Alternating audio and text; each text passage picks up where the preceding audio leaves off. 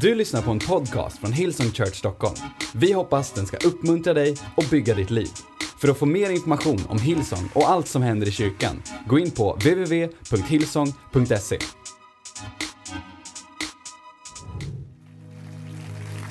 All right. Well, nästa söndag Heart for the House. Du får inte missa det. Det kommer bli fantastiskt. Well, om du har med dig Bibeln så öppna den. Du kan välja ställe eller så tar vi samma.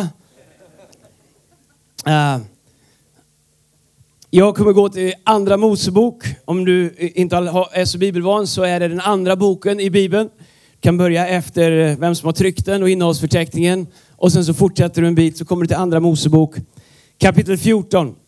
Om du vill ha en titel på den här predikan så är titeln Gud har inte tagit dig så här långt för att överge dig. Um, jag skulle predika en annan predikan um, som var mer ett Heart for the House-tema. Men uh, när jag satt i bilen igår, jag var, vi har lite intensiva dagar. Robert Ferguson har varit här, vi hade Mega Pray Night. Vi hade i, i eh, Stockholm i torsdags, sen så flög vi ner hit och gjorde den här i fredags. Sen eh, hade jag lovat mina döttrar att komma på deras basketmatcher. Eh, och, och sist var jag tvungen att boka av, så jag, jag, var, jag höll mitt löfte. Jag flög upp igår till Stockholm eh, och eh, gick på basketmatchen. Sen körde jag ner igår kväll till Göteborg. Eh, därför att jag ser fram emot att vara här. Och när jag satt i bilen igår så hade jag ett budskap jag skulle predika. Men jag upplevde att, eh, faktiskt att jag skulle predika det här idag. Så eh, um, we'll make it up as we go, alright?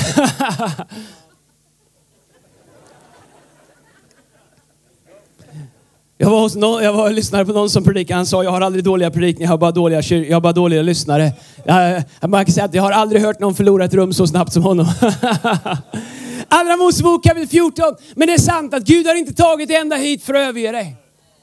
Jag känner att Gud bekräftar det med bibelordet som jag fick i mitt hjärta innan. Om Daniel, att Daniel ber. Under 21 dagar ser det ut som ingenting händer. Men när Daniel inte ser någonting så jobbar Gud för fullt. Och miraklet är på väg fast Daniel inte ser det. Du kan säga Gud jag har gjort allting rätt. Gud jag har bett, jag har gjort det. Ändå så har jag inte sett mitt genombrott. Well, då är du på rätt ställe den här morgonen därför att Gud har inte tagit dig ända hit i livet bara för att överge dig här. Det var inte det här som var målet utan det är löftet som är målet för Gud. Andra Mosebok 14, vers 10 står det så här. När farao närmade sig, vänta jag måste förstora texten. När farao närmade sig lyfte Israels barn blicken och fick se Egyptierna komma tågande efter dem. Israels barn hade lämnat Egypten och hade kommit fram till Röda havet. Så de var fångade mellan Röda havet och Egypternas armé som kom. Israels barn blev mycket förskräckta och ropade till Herren. Och de sa till Mose, fanns det inga gravar i Egypten? Eftersom du har fört oss hit för att dö i öknen. Det är ungefär som om man tar med sig barnen på en fin restaurang och de säger, kunde vi inte gått på McDonalds? I, du måste förstå vad det här bibelstället handlar om. I 400 år har Israels folk varit slavar i Egypten. Flera generationer. Om man räknar eh, två generationer på 100 år, eller jag tror att man räknar tre generationer på 100 år. Så kan du räkna att det har gått 10-12 generationer av människor som har hållit fast vid ett löfte att en dag ska vi bli fria. En dag ska Gud hålla sitt löfte. En dag ska Gud sätta oss fria och han ska ge oss vår egen nation. Så de är ett folk utan land. De är ett folk som är slavar åt Egyptierna. De bygger upp hela Egypten. Egypt, Egypten byggs på ryggarna av Israels folk som är slavar. Varje kväll kring lägereldarna, varje kväll vid, vid godnattsagan, varje dag sjunger de sånger i arbetet som påminner dem om att en dag ska jag få vad Gud har lovat.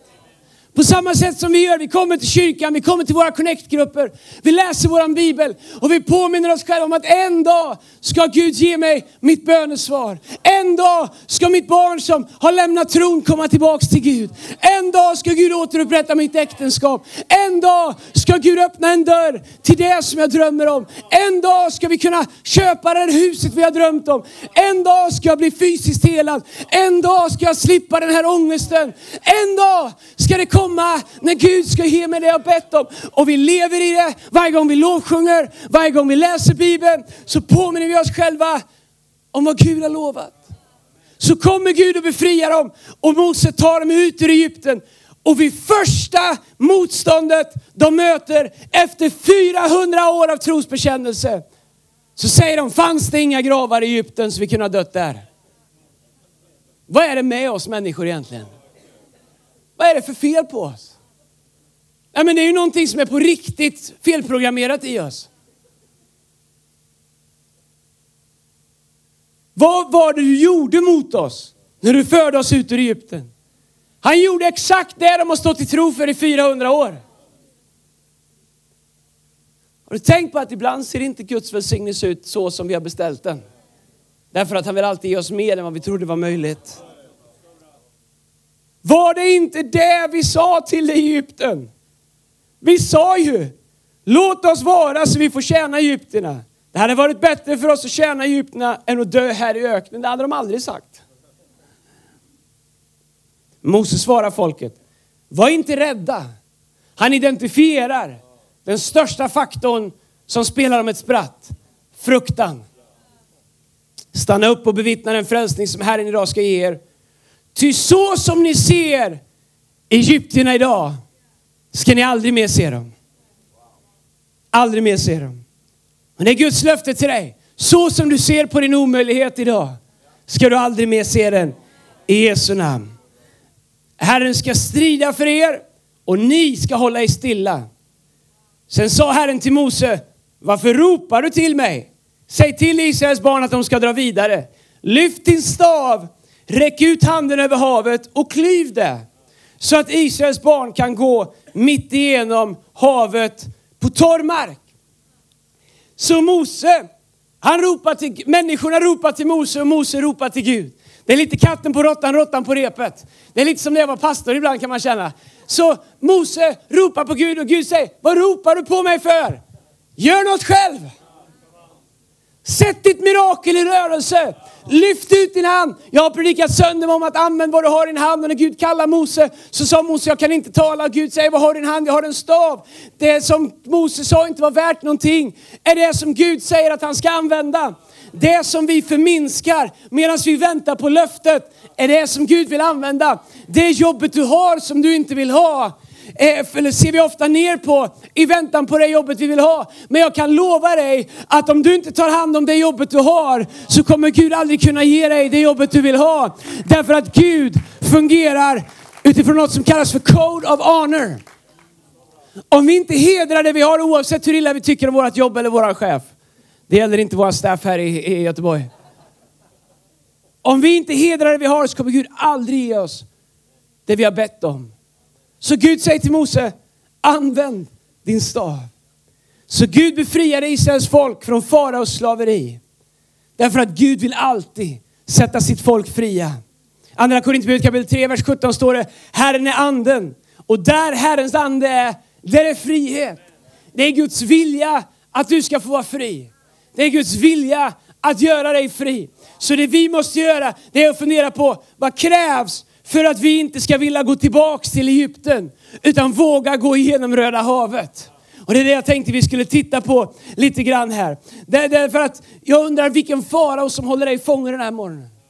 Du kanske inte är slav så att du får bygga pyramider. Men du kanske har en farao som, som kallas fruktan. Du kanske har en farao som, som kallas att du har en sån självkritik så att du hela tiden ser ner på dig själv. Du kanske har en farao som kallas eh, uppväxt. Du kanske har en farao som kallas trasiga relationer. Du kanske har en farao där, där du har en historia av dåliga beslut som har lett dig till en plats. Du kanske har en farao som är sjukdom, en farao som är negativitet. En farao, I don't know vad din farao är. Jag jag vet bara att oavsett vilken farao du har så är det Guds vilja att sätta dig fri. Det är Guds vilja att leda dig ut ur ditt Egypten och in i ditt löftesland. Det är inte för en del, det är för alla. Gud arbetar utifrån sin natur så han kan bara göra det som han är. Gud, Gud, han gör inte någonting som han kan, han gör saker som han är. Där Herrens ande är, där är frihet. Alltså vill Gud leda dig ut ur ditt Egypten oavsett hur du har kommit in där och in i ditt löftesland. Frågan är, vill vi följa med? Gud öppnade Röda havet och gjorde en väg där det inte fanns någon väg. Jag undrar vilket som är ditt röda hav. Där du säger att det här finns det ingen väg igenom. Den här relationen finns det inget hopp för. Den här, den här liksom utmaningen går inte att övervinna. Jag undrar vilket röda hav du står inför. Där du säger att här tar det stopp. Nu finns det bara det kvar som jag springer ifrån. Det är lika bra att jag ger mig till det. Därför att mitt röda hav är för stort. Kanske har din omgivning sagt du kommer aldrig ta dig igenom ditt röda hav. Kanske har din chef sagt det. Kanske har din partner sagt det. Kanske är det din inre röst som säger det går inte. Varför försökte jag ens? Se en del utav er, ni har försökt göra rätt. Ni har satt Gud först. Ni har följt hans löften, ni har byggt era liv på hans principer. Ändå står ni inför ett rött hav. Och allt inom er skriker, vad var det egentligen värt? Varför bestämde jag mig för att förändra mitt liv och börja leva så som Gud har sagt? Varför började jag bli en givare? Varför började jag leva i generositet med ord och med handling? Varför började jag bygga mitt liv på Guds principer? Varför gick jag med i team? Varför gick jag med i connect-grupp? Varför planterade jag mig i kyrkan? Du har gjort det som Gud säger vi ska göra. Ändå står du inför ett rött hav. Min vän, bara för att du har ett rött hav betyder det inte att det var fel att lämna Egypten. Det är bara någonting som står emellan dig och fullbordan av vad Gud har lovat. Och frågan är vad du ska göra av det. Gud vill ge dig mirakel, men du måste gå in i ditt mirakel. Det finns någonting som vi måste göra. Precis som Israels folk fick gå igenom Röda havet. Så många av oss, vi står på stranden och väntar.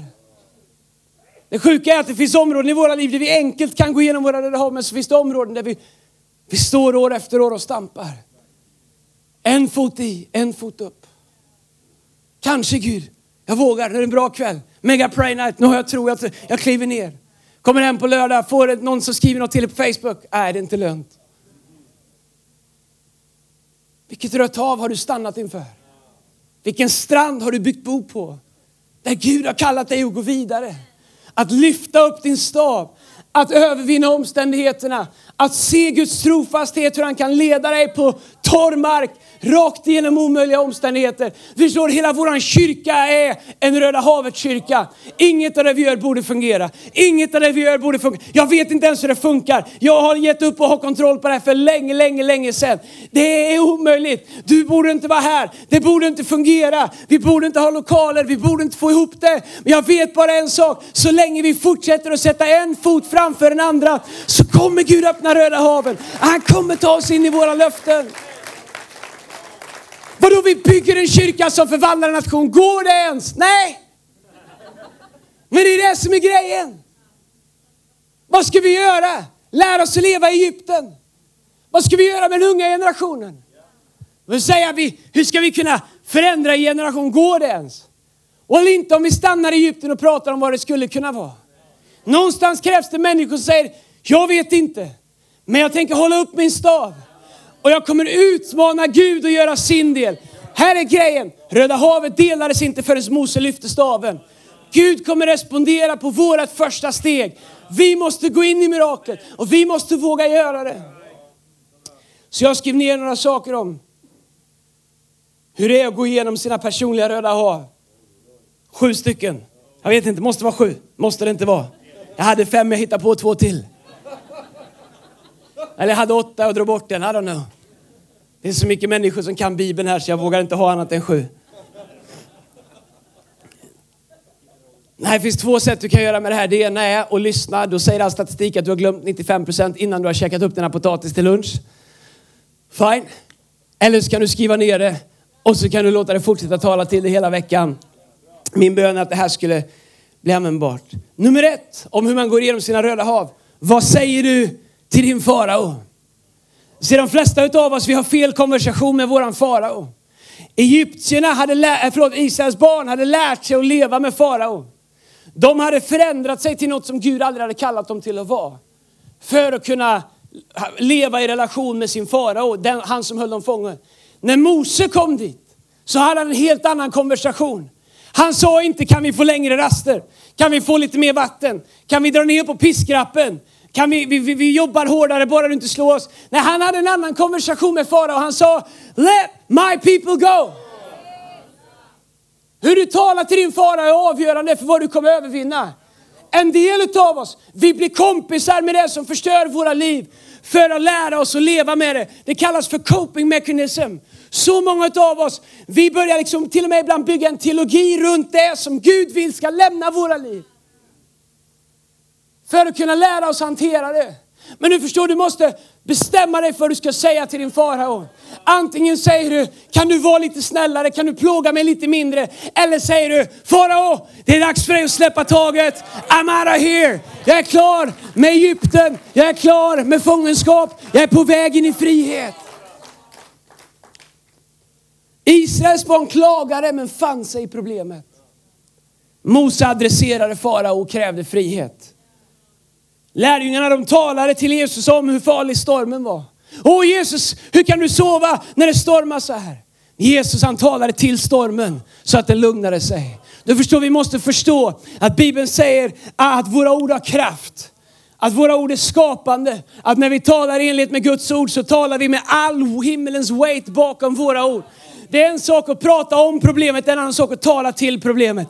Jag älskar vad Jensen Franklin säger. Before you go to the phone, go to the throne. Come on somebody. Det, det hjälper inte alltid att prata med andra människor om problemet. Ibland så måste man börja prata till problemet i Jesu namn. Jag skulle vilja uppmuntra och utmana en del av er som pratar om era utmaningar och börjar tala till era utmaningar och säga det här är inte min del. Det här är inte Guds löfte för mitt liv. Det här är inte vad Gud har lovat. Det här är vad Gud har sagt. Problem, du är bara ett rött hav som jag ska gå igenom. Kanske är det ditt förflutna. Kanske är det misstag du har gjort. Kanske är det omöjligheter du har framför dig. Sluta bli kompis med det som försöker dra ner ditt liv till det som Gud aldrig har kallat dig till. Och börja tala till dig och säga arbetslöshet, du är en temporär situation som jag kommer övervinna i Jesu namn. Ensamhet, du är inte min farao. Du är en temporär situation som jag kommer övervinna. Ångest, oro, ofrid, fattigdom. Du är inte vad Gud har lovat mig. Du är min farao och jag kommer aldrig lära mig att leva med dig. Därför att du är ett rött hav som jag kommer gå igenom. I Jesu namn. Du måste bestämma dig om du ska tala om dina problem eller till dina problem. Jag älskar deklarationer, jag älskar proklamationer. Därför att det är det Jesus gör när det stormar. Lärjungarna har, jag vet inte hur många timmar de har spenderat på att prata om hur mycket de vågar. Det känns som att det är liksom vårt go-to. Prata om hur mycket du vågar. Prata om hur jobbigt det är. Så ofta nöjer vi oss med sympati istället för mirakler. Men när du börjar tala till dina utmaningar, när du börjar tala till dina Lazarus, när du börjar tala till dina omöjligheter så kommer Guds kraft, Guds löften explodera in i ditt röda hav och du kan gå torrskodd igenom i Jesu namn. Så det första är vad säger du till din fara och till den som håller dig fången. Det andra är stanna inte nära stranden. Så det finns någonting i oss som hela tiden söker den trygghet som vi förstår. Som hela tiden söker en trygghet som vi kan kontrollera. Som hela tiden söker en trygghet som vi kan liksom uh, sätta ord på. Det, det, det, det, är så frustrerande och så, så uh, man önskar ibland att man kunde göra mer när man ser människor som kliver ut genom sitt röda hav men sen aldrig riktigt vågar lämna stranden som de kom ifrån. Därför att tryggheten av det de känner till, tryggheten av stranden övervinner längtan av att få gå in i det okända, in i det som Gud har lovat dem. Du förstår, om du ska gå igenom Röda havet så måste du våga släppa taget om strandkanten du kommer ifrån. Du måste våga släppa taget om det som du förstår. Du kommer frestas att gå tillbaks till den naturliga trygghet du har byggt upp på land. Jag ser människor som lämnar destruktiva omständigheter och så fort de går in i, i lite saker när man måste leva i tro så går de tillbaka till destruktivitet. Därför tryggheten av destruktivitet överbrinner ibland otryggheten av att leva i tro. Du måste bestämma dig om du ska ha din trygghet i stranden eller i han som har kallat dig. I han som har lovat dig att du kan gå igenom. Grejen är att om när vi står stilla så kommer fienden hinna ikapp.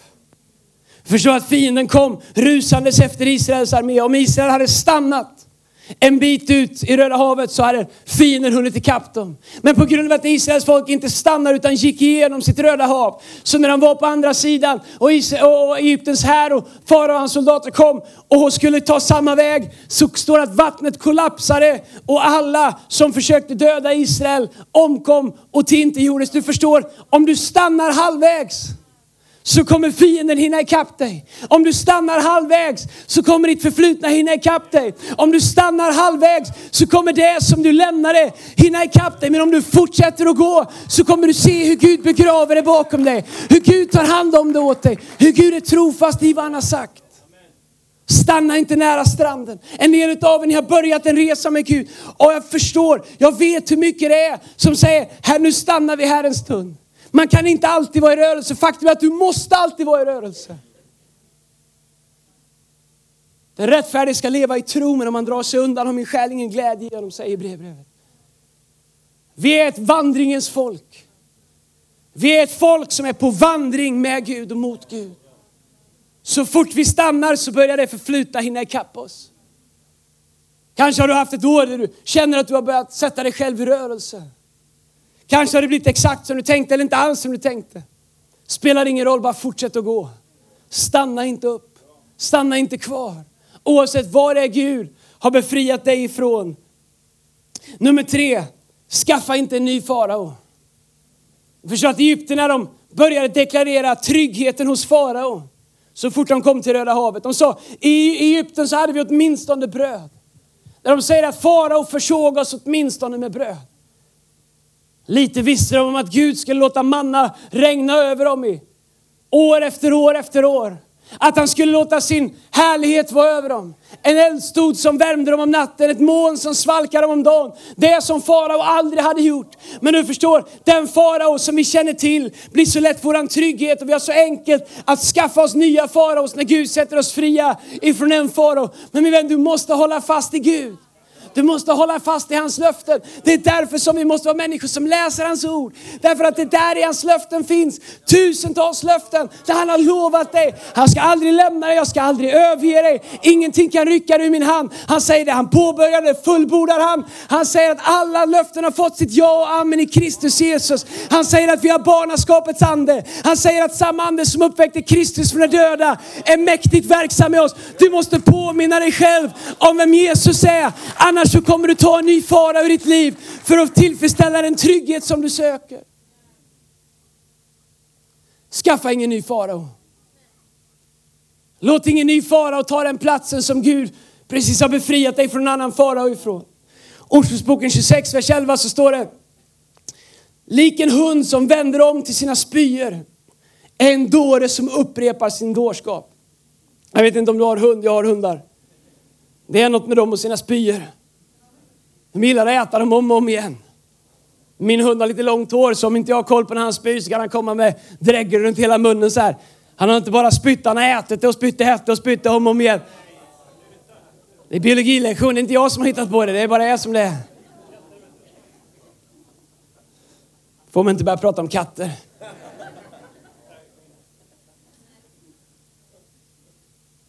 Det är ett naturligt beteende för hundar att gå tillbaka och äta upp sina spyor och spy dem igen. Det är det Ordspråksboken säger. Som en hund som vänder tillbaka till sina spyor. En dåre som upprepar sin dårskap. Ibland så är det så att vi får trygghet. Vi får comfort i det som vi vet är destruktivt för oss. Psykologin vet det, terapin vet det, vetenskapen vet det. Ett självskadebeteende som fast vi vet att det är skadligt så ger det oss trygghet. Så ger det oss någon form av falsk känsla av säkerhet. Men när Gud sätter oss fria, välj ingen ny farao i ditt liv. Därför att Johannes 8.36 så står det om nu sonen gör er fria, blir ni verkligen fria. Galaterbrevet 5 och 1 så står det till denna frihet har Kristus gjort er fria. Stå därför fasta och låt er inte på nytt tvingas in under slavoket. Så han säger att Kristus gör oss fria, men vi måste välja att stå fasta. Du måste välja att fortsätta att stå fast i det som Jesus har satt dig fri ifrån. Nummer fyra, du måste ge upp en sida för att komma till andra sidan. Eller om jag hade varit i USA med en liten Hammond-orgel där det hade funnits lite tamburiner och hattar så hade jag sagt det på ett helt annat sätt. Och hade jag sagt you have to give up to go up. Come on somebody. Men det är sant i alla fall oavsett hur vi predikar det. Du måste ge upp ena sidan för att komma till andra sidan. Och det kommer alltid finnas ett ögonblick när man känner att man är mitt emellan ingenting.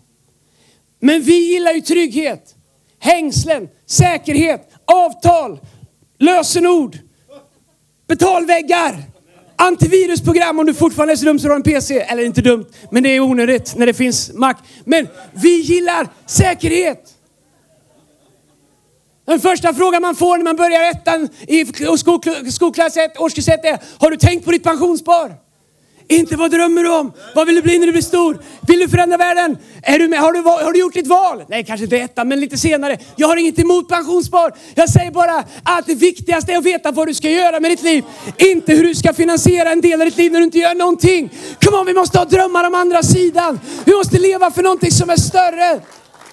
Och om vi ska göra det så måste vi välkomna, mejla nu inte mig och säga att Andreas är emot pension. Ja, vi är för pension. Ja, vi pensionssparar åt vår personal. Ja, vi har HR-principer. Ja, vi har bra folk. Fine! Men fy vad tråkigt det är. När du kan drömma om framtiden. Jag har inte tänkt att gå i pension.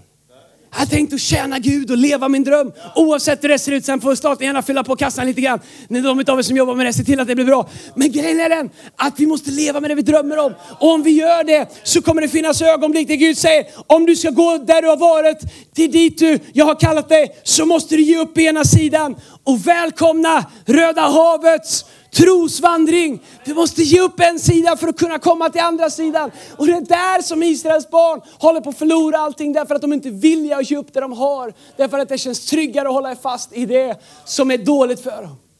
Men det är så vi gör. Vi ber Gud använd mig, ni som varit med länge. På stridsfältets höjder vill vi ge våra liv. Men jag kan inte på lördag och inte på måndag och inte på onsdag för att Tvinga mig inte ge upp. Och säg inte att jag måste komma på, för det går inte. Då... Nej! Det finns saker vi måste ge upp. Om vi ska kunna få det vi ber om. Vet du, det finns saker i vårt sätt att bygga kyrka som inte är så som jag gillar. Men jag måste ge upp mina preferenser för att Gud ska kunna ta oss dit han har kallat oss. Därför Hillsong handlar inte om vad som är mina preferenser eller vad jag gillar. Det handlar om vad Gud har kallat oss till. Det, det, finns saker i mitt sätt att leva som man. Jag, var, jag flyttade hemifrån väldigt tidigt och jag levde själv ganska länge. Och, och, och så där. Sen så gifte jag mig med Lina och var en, jag hade aldrig tänkt på att hon skulle vara där varje dag när vi gifte oss. Var det? Hon gick aldrig hem längre. Och hon brukade gå hem runt halv tio, tio på kvällen där. Och så fick man några timmar till sig själv och sporten när NHL började. Hon gick aldrig hem längre. Så upptäckte jag att hon vill prata på kvällarna. Jag vill inte säga ett ord på kvällen. Jag sa, varför har du väntat hela dagen med att prata om det här? Det kunde vi avhandlat för länge sedan. Jag var tvungen att lämna någonting i mitt singelliv för att gå in i någonting som Gud visste skulle vara livsavgörande för mig. Min relation med Lina som har förändrat mitt liv. Ibland är det som att Gud gör saker som du stör dig på. Därför att det är en del av det han vet att du behöver. Men vi håller fast i saker som vi tror att vi vill ha. För att det är det vi känner till. Det står i eh, Filipperbrevet kapitel 3, vers 13. Bröder, jag menar inte att jag redan har gripit det. Men ett gör jag, jag glömmer det som ligger bakom och sträcker mig mot det som ligger framför i Jesu namn.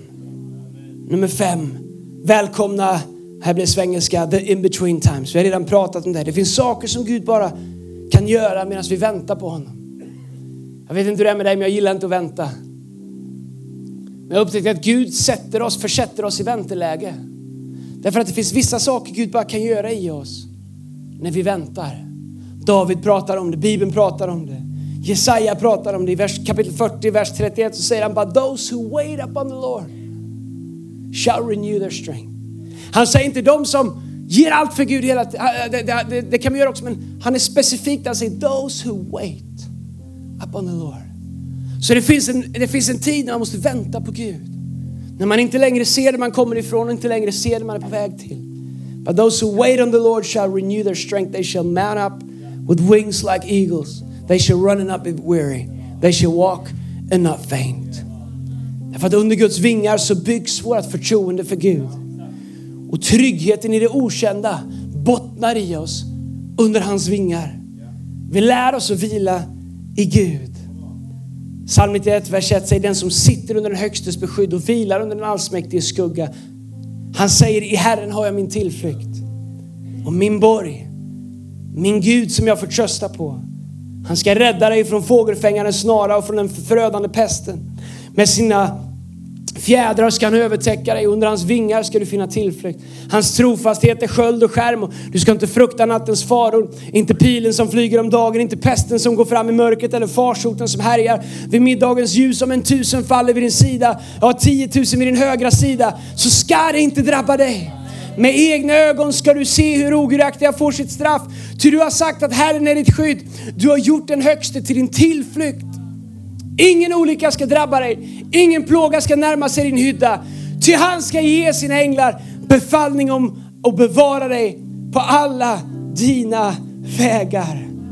Så fråga inte Gud varför du är där du är. Fråga Gud, vad är det du vill göra här, där jag är? Så mycket i mitt liv så har jag frustrerat ropat Gud, varför är jag här? Men jag har lärt mig att det är fel fråga. Rätt fråga är, Gud vad är det du vill göra här? Those who wait on the Lord, they shall mount up with wings like eagles. Så oavsett vart du är ikväll, eller på morgon eller vart vi nu är. Det är fredag kväll någonstans i världen. Vart du än är ikväll, imorgon, den här morgonen. Vart du än är i livet. Så ställ dig frågan. Gud, vad är det du vill göra den här säsongen? Gud, vad är det du vill göra när jag går igenom den här prövningen? Gud, vad är det du vill göra i mig nu för att förbereda mig för då? När vi börjar ge Gud tillåtelse att göra det i oss som vi ännu inte vet att vi behöver. Det är då vi säger till Gud, jag börjar bli redo för det som jag väntar på. Förstå, Gud han älskar oss lika mycket som vi älskar våra barn. När våra barn är små så, och inte har lärt sig cykla så köper vi inte en stor cykel till dem och puttar ut dem på E4 och säger lycka till. Ändå så är det det vi ber att Gud ska göra i våra liv. Och när Gud säger fine, du vill cykla på E4, bra, jag har en trehjuling här, jag ska hjälpa dig att trampa. Så föraktar du det och du tittar på någon annan som cyklar på E4 och du säger Gud, du gjorde det för dem, men du gjorde det inte för mig, jag vet inte om jag kan lita på dig. Faktum är att det är hans kärlek som vill förbereda dig för det som du drömmer om. Det är därför vi måste fråga Gud, vad är det du vill göra? Vad är det du försöker göra här? Vad är det du vill göra i mig nu Gud? Om jag vandrar i dödsskuggans dal så fruktar jag ingenting till din käpp och din stav är med mig. Du dukar för mig ett bord i mina ovänners åsyn. Endast godhet och nåd ska följa mig alla mina livsdagar. Det spelar ingen roll vart jag är därför att jag vet att du är där Gud. Och där du är, där är allt okej. Okay. Den sjätte frågan att ställa sig själv det är att tro, eller att bestämma sig för det och tro på det som väntar på andra sidan Röda havet. Lita på att Gud inte kommer överge dig halvvägs. Jag gillade Moses sa till egyptierna som vi läste innan. Han säger, var inte rädda. Stanna upp och bevittna den frälsning som Herren ska ge er idag. Ty så som ni ser egyptierna idag ska ni aldrig någonsin se dem igen. Bestäm dig för att det inte är en slogan utan att det är sanning. Att Gud har inte tagit dig så här långt bara för att överge dig. Han säger att han som har startat ett gott verk i dig, han är trofast och rättfärdig för att fullborda det. Men lyssna hur han gör sitt löfte om att han inte ska överge oss. Han som har startat ett gott verk i oss. Han är trofast och han är rättfärdig. Så han pratar inte om oss. Han pratar inte om våran performance. Han, han ger sig själv som garant till att han inte ska ge upp på oss. Till att han ska fullborda det. Så när han ska ge oss säkerhet för att han som har startat gott verk i det inte kommer att han som har startat ett gott verk i oss kommer fullborda det så går han till sig själv. Han som har startat ett gott verk i oss, han är trofast och rättfärdig. Rättfärdig betyder att han kan inte ljuga, han kan inte lura, han kan inte avvika från sin karaktär, han kan inte avvika från sina löften. Han är, när man frågar honom, vem är du? Jag är den jag är. Vadå, vad är, vad är det du är? Jag är den jag är. Vad är du? Ja, det är jag. Han är det han är. Han kan inte vara något annat. Det är det han säger när han säger att han är rättfärdig. Säger han, utifrån vem jag är. Jag kan inte ljuga. Ingen växtskugga finns med, ingen växling mellan gott och ont, mellan ljus och mörker. Bara goda gåvor kommer ifrån Herren. Det är det han säger. Han som har startat ett gott verk i oss, han är trofast och han är rättfärdig utifrån sin egen karaktär. Han tar det på sig själv och fullbordar det han har startat även in till Kristi dag. Han har inte tagit det ända hit för att överge dig. Du kanske känner att du inte har någon mer fight kvar i dig. Att du inte har någon mer kraft kvar i dig. Att du inte har fler steg kvar i dig. That's fine. Därför att han, har inte, han, han vet om allting. Han har inte tagit dig hit för att säga okej okay, om du inte orkar mer då släpper jag dig här. No, no. Han har målet i sikte. Och du som är här idag, du känner jag vet inte hur jag ska ta mig igenom mitt röda hav. Han kommer aldrig lämna dig. Han kommer inte överge dig. Han har inte tagit dig hit för att överge dig. Han har inte tagit dig hit för att lämna dig. Han är trofast, han är rättfärdig, han är på din sida. Nummer sju är just det, Gud är på din sida. Andra Mosebok 14, vers 10 så står det så här. Guds ängel som hade gått framför Israel så här flyttade sig nu. Och gick bakom dem. Och molnstoden som hade gått framför dem flyttade sig och tog plats bakom dem. Så att den kom mellan Egypternas här och Israeliternas här. Molnet var där med mörker samtidigt som det lyste upp om natten. Under hela natten kunde den ena herren inte komma in på den andra. Ibland när du inte ser Gud så är det för att han håller på att beskydda dig från det som vill hinna ikapp dig. Ibland när du säger Gud, vart är du någonstans? Så är det för att Gud har ställt sig mellan dig och det som försöker förstöra ditt liv.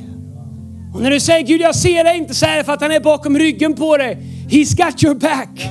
Han har din rygg mot allt det som försöker hinna på dig. Allt det som försöker komma ikapp dig. Gamla sätt att tänka, gamla sätt att vara, gamla mönster, gamla sätt att liksom värdera, gamla beteenden, gamla beroenden, gammal ångest, gammal depression. Du säger Gud vart är du? Gud säger jag är här, jag är bakom ryggen på dig. Jag håller tätt bakåt så att du kan fortsätta framåt. Jag ser till att ingenting av det som du har övervunnit får chans att komma tillbaks. Ibland när vi undrar vart Gud är så behöver vi bara stanna upp och säga, oh, jag jag vet var han är. He's got my back. Jag vet vart han är. Han är bakom ryggen på mig. Han lyser bakifrån och han skuggar det som försöker komma över mig så att de inte hittar fram.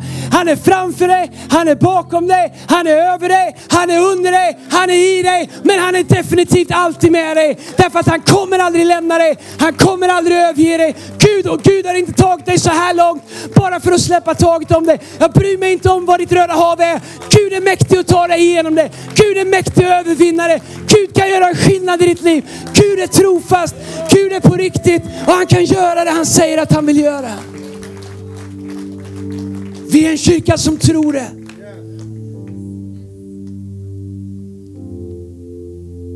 Kom on, ska vi stå upp tillsammans? När vi sjunger en sång så vill jag be en bön. Om alla huvuden böjda, alla ögon stängda så vill jag be för dig som antingen har stannat på stranden, som inte vågade gå igenom ditt röda hav. Eller du som börjar att gå. Men halvvägs in i, genom Röda havet så tappar du hoppet. Du tappar det. Du började tänka att det här går ju inte. Rädslan för det som kom bakifrån blev för stor och nu känner du att du är fast i limbo. Du är inte där du har varit, men du är inte dit du skulle vilja vara heller. Hör, mitt budskap är väldigt, väldigt enkelt. Min predikan är väldigt, väldigt enkelt. Gud har inte tagit ända hit för att lämna dig här. Han är trofast. Jag känner att jag vill be för dig idag. Jag vill be för dig, du som känner att du sökte friheten eller du, du börjar en ny resa oavsett vilket område i livet det är. Men du stannade vid stranden. Det du inte kunde se tog överhanden. Eller du har stannat mitt på vägen. Jag är här idag för att säga att det är dags att gå över till löftessidan. Det är dags att låta Gud ta dig i handen och leda dig över in i löfteslandet, in i det han har lovat. Oavsett om det gäller en relation, din vandring med Gud, din vardag, din relation till våran kyrka. I don't, I don't care vad det än är. När vi predikar ordet så finns det alltid en auktoritet och ett löfte ifrån Gud att han ska bekräfta ordet med sina under och tecken. Med sina mirakler. Så också den här morgonen. Med alla huvuden böjda, alla ögon stängda så vill jag be för människor och säga Andreas, du har talat till mig idag. jag behöver gå in i löftesland. Jag behöver, gå, jag behöver fortsätta gå igenom Röda havet. Jag, jag vill ha ny tro. Det här är ett ord till mig. Jag har stannat vid stranden. Jag gick tillbaks upp där jag kom ifrån. Eller du har stannat i mitten. Kanske går du med små steg men rädsla hotar att ta över och, och du frestas att stanna upp. Men jag är här idag för att, för att uppmuntra dig och för att utmana dig. Stanna inte här. Gud har större planer för dig. Om du känner att det här var ett ord till dig idag, då vill jag bara be för dig. Jag vill be att Gud ska leda dig, att han ska visa sin hand, att du ska få se det molnet som lyste över Israels folk, att du ska få känna hans närvaro, att du ska få nytt mod, ny tro, att du ska få bara se att Gud är trofast, att du ska våga fortsätta hela vägen över till andra sidan och få det genombrott som Jesus gav sitt liv för att du skulle få i Jesu namn. Med alla huvuden böjda, alla ögon stängda, oavsett vilket område i livet det här gäller. Om du känner att det här var ett ord till dig, lyft upp din hand där du står, så ska jag be för dig där du står. Vi ska lösa ut mirakel idag, vi ska be att Gud öppnar Röda hav på nytt, vi ska be att Gud gör nya mirakler, vi ska be om styrka, tro, frimodighet, uthållighet i Jesu namn. Fader, för varje person som lyfter upp sin hand här inne i Jesu namn. Herre, jag tackar dig att du är trofast. Herre, jag tackar dig att du är den du säger att du är. Herre, jag tackar dig att du inte har tagit oss så här långt bara för att överge oss, Herre. Herre, inte ens när egyptierna klagar och ville tillbaks, Eh, förlåt, inte ens när Israels barn klagade och ville tillbaks till Egypten så lät du dem vara, utan din godhet tog dem in i löftet i Jesu namn. Herre, jag ber därför i Jesu Kristi Nazarens namn att du skulle ge en ny tro till var och en som behöver det. Att du skulle ge en ny vision till var och en som behöver det. Herre, att det skulle födas en ande av tro i deras hjärta. Av att du är med dem. Du är på deras sida. Du är trofast. Du är den du säger att du är, Herre. Herre, du leder oss. Du fortsätter att bära oss i Jesu namn. Herre, jag tackar dig för det. I Jesu Kristi Nazarens namn. Kom on, vi sjunger en lovsång tillsammans. Come on.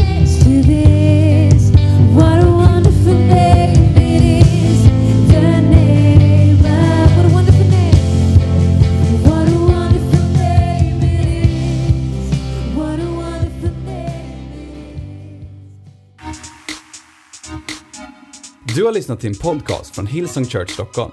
Om du vill veta mer om vår kyrka eller om våra söndagsmöten, Surfa in på www.hillsong.se.